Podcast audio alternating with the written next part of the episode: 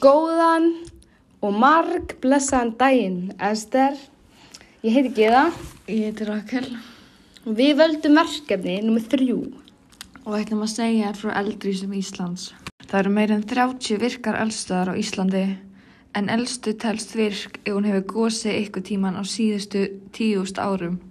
Sumar eldstöðana hafa ekki gósið mjög lengi, teljast nánast skofandi eins og snæfisjökull og hengill.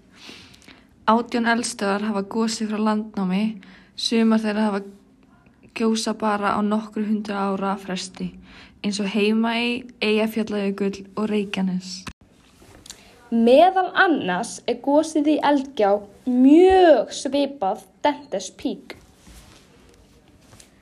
Gósið í Eldgjá ítti undir trúskiptin á Íslandi og þetta var gríðarlegt hraungós. Það byrjaði að gjósa vorið 939 og var alveg fram á haust og lengur. Alveg eins og í myndinni náðu vísindamenn ekki að tímisetta gósið með nákvæmni. Þeir notuðu meðal annars ískjarna frá Grænlandi. Áhrif gósins voru rosa mikil og fjall gósaska um alla Evrópu. Þá var gósið til þess að hitastigið lækkaði og eitt kaldasta sumar síðustu 1500 ára átti sér stað. Mest kólnaði í Skandinavíu, í mið-Evrópu, í Klettafjöllunum, í Kanada, í Alaska og mið-Asju. Talið er að hitastigið sumari 940 hafi verið 2 gráðum undir meðalagi út af þessu. Vísendamennir vildu líka sjá hvaða áhrif eldgósið hafði á samfélagið. Gripir hafi fallið saman og það var ekki hungur allstaðar en það var mjög mikið í Þískalandi, Írak og Kína. Grímsvötn er virkasta elstu landsins og hefur líklega gósið 100 sinnum frá landnámi. Eldstöðakerfi er meir en 100 km langt og nær söður fyrir Lakagíja. Í gósum í Grímsvötnum er jökullaup. Stærsta Grímsvötnarhlaupin geta orðið stór og kom upp, kom upp árið 1996.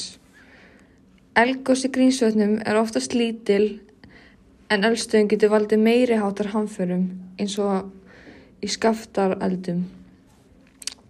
Þeir eru með mestu hamförum sem orði hafa verið á Íslandi og hefðu áhrif og veðufar um allt norðugfjöljarðar. Örafajökull er stærsta eldfjall landsins. Eldstöðin liggur utan hinn hefðbundinu gósbeldi. Þetta er virk eldstöð svipuð snæfellsjökli nema bara miklu stærri. Örafajökull hefur bara tvísvar gósið frá landnámi. Árin 1362 og 1727. Gósið sem var árið 1362 er líklegast að mannskæðasta gós sem hefur orðið á Íslandi frá landnámi en talið er að 20 til 40 bæir hafi sópast burt í svakalegu gjóskulhaupi sem fór niður hlýjar fjálsins á mjög miklum hraða. Hlaupið og gjóskuflóðin eitu byggð í litla héræði og sveitin var eftir það kölluð öræfi. Gósið 1727 var miklu minna, áleika stórt og gósið í Eyjafjallajökli 2010. Takk fyrir okkur. Takk fyrir okkur, Ester. Þetta var mjög skemmtilegt verkefni. Um, vonandi áttu rosalega góða helgi. Þú ert uppáhaldskennarinn okkar.